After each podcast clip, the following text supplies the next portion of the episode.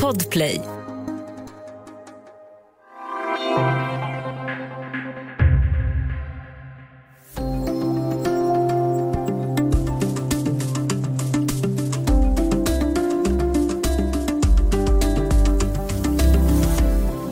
Det är kallt, behovet av el är stort och elpriset når nya rekordnivåer. Det här är en utmaning för mångas plånböcker. Men hur fungerar elmarknaden och vad kan vi som elkonsumenter tänka på när priserna rusar? Och vad krävs egentligen för att kilowattpriset går ner till normala nivåer? Välkommen till Studio DN med mig, Ylke Holago.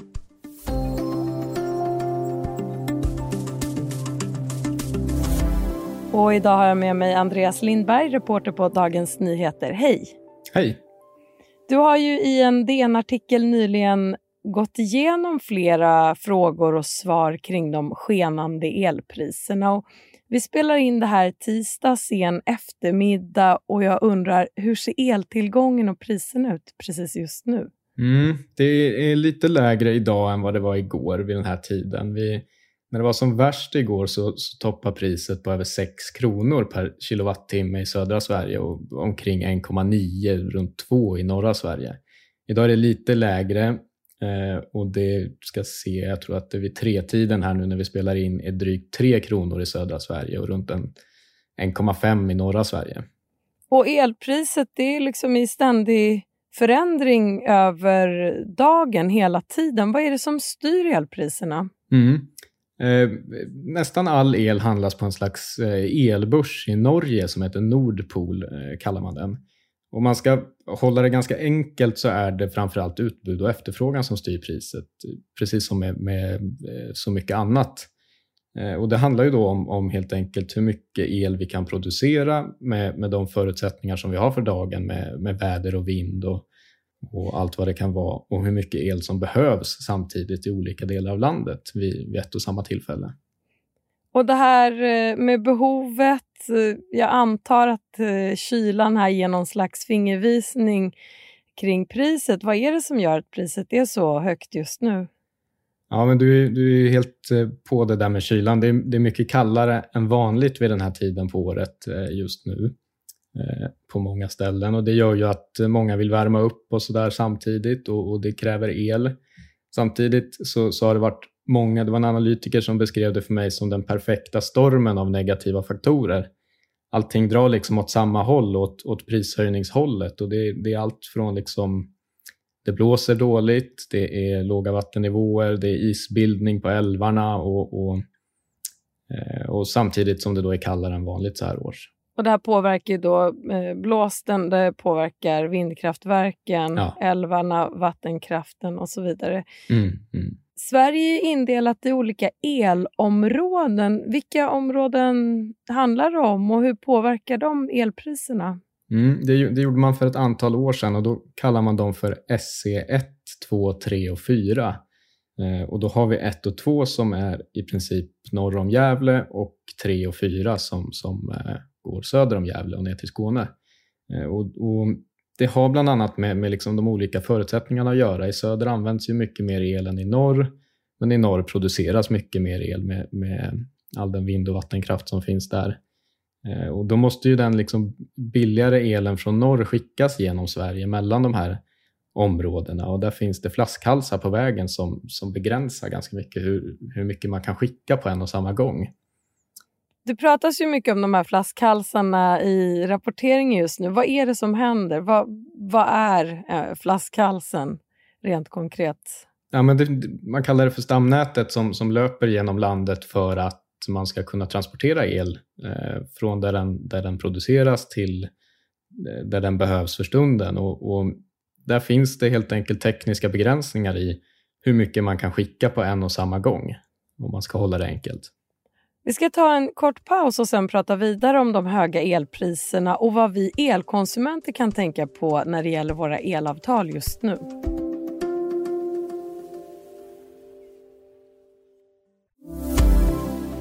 Du lyssnar på Studio DN där vi idag pratar om eltillgång och elpriser.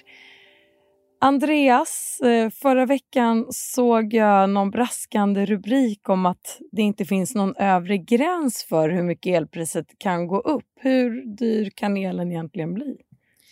Jättesvårt att säga och, jag har ingen egen sån analys eh, eh, riktigt, men enligt en elprisanalytiker som heter Johan Sigvardsson på Bixia, som jag pratade med här igår, eh, så är det inte omöjligt att, att man under korta stunder alltså enstaka timmar kan komma upp i, i, runt tio gånger högre än vad det har varit nu här igår och idag, eh, rent teoretiskt. Och, och, det är ju väldigt högt jämfört med, med normalläget. Eh, därefter så, så, finns det enligt honom någon sorts stoppmekanism som kan, kan slå in, så att hur dyrt som helst kan det väl inte bli, men, men eh, det finns utrymme uppåt, så att säga.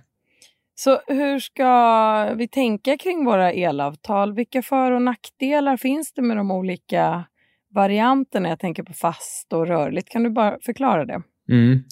Det finns olika, olika varianter och, och, det är såklart individuellt beroende på vad man har för förutsättningar och, och så vidare och vad man föredrar. Men, men vissa har ju fast elavtal, då kan man nästan bortse från allt det här. Då har man samma, samma pris hela tiden. En del har rörligt som baseras på, på en slags genomsnitt sett över hela månaden. Och då jämnas ju det ut lite, de här topparna som vi ser enstaka timmar på, på en dag som idag eller igår. De blir inte lika kännbara, men de påverkar ju det här genomsnittet. Och...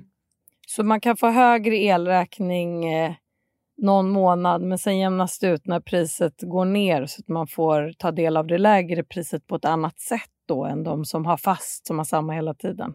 Elpriset liksom sätts ju timme för timme beroende på utbud och efterfrågan och, och det som vi har pratat om här. Så att eh, har man ett, ett rörligt pris så räknar den i slutet av månaden ut hur mycket du har förbrukat och eh, vad det kostar baserat på ett snitt av alla de här timpriserna som är på en månad. Så det, det, mjukar ut svängningarna lite. Sen kan du ha timprisavtal och då, då följer du ju priset exakt som det är timme för timme. Och har du det så, så kan det ju vara bra att tänka över nu kanske hur, man, hur och när man förbrukar sin, sin energi hemma och kanske försöka göra det när andra förbrukar som minst. Men eh, vi är ju inte i position att ge konsumentråd sådär, men vilka för och nackdelar kan det finnas med respektive variant för, eh, säg någon som bor i en lägenhet till exempel med centralvärme? Just nu när det är så kallt och priserna går upp så mycket. Ja, om man tänker sig ett fast avtal med ett fast pris så, så är ju eh, det är ju jättebra om man eh, tycker om att ha liksom, koll framåt. Man vill, man vill ha förutsägbarhet i vad det kommer kosta. Samtidigt så, så ja, man vet ju vad man kommer få betala, men det kan ju vara så att man binder sig till ett högt pris. Eh, så det, det beror ju lite på när man har möjlighet att binda avtalet och till vilket pris man, man kan göra det. Och det bästa är väl egentligen att ordentligt sätta sig och gå igenom vad man, vad man har för avtal. Det är inte säkert att alla vet det ens. Eh, och, och kanske ta hjälp av någon som, som kan rådge. Och vad krävs för att eh, elpriset generellt ska gå ner till mer normala nivåer? Det är väl framför allt eh, väder och vind Eh, som, som, behöver eh, bli bättre sett ur ett elprisperspektiv.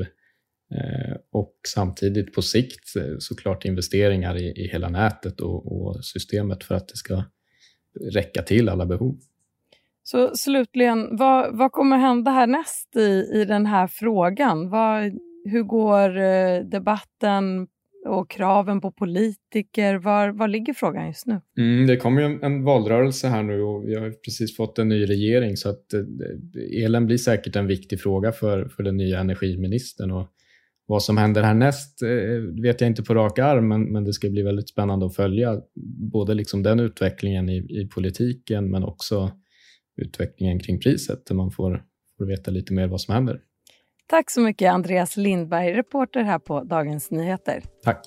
Om du vill kontakta oss så går det bra att mejla till studiodn dn.se och kom ihåg att prenumerera på Studio DN där du lyssnar på poddar så missar du inga avsnitt. Studio DN görs för Podplay av producent Palmira Kokari Menga. Ljudtekniker Patrik Miesenberger, teknik Jonas Lindskov på Bauer Media och jag heter Ylke Holago.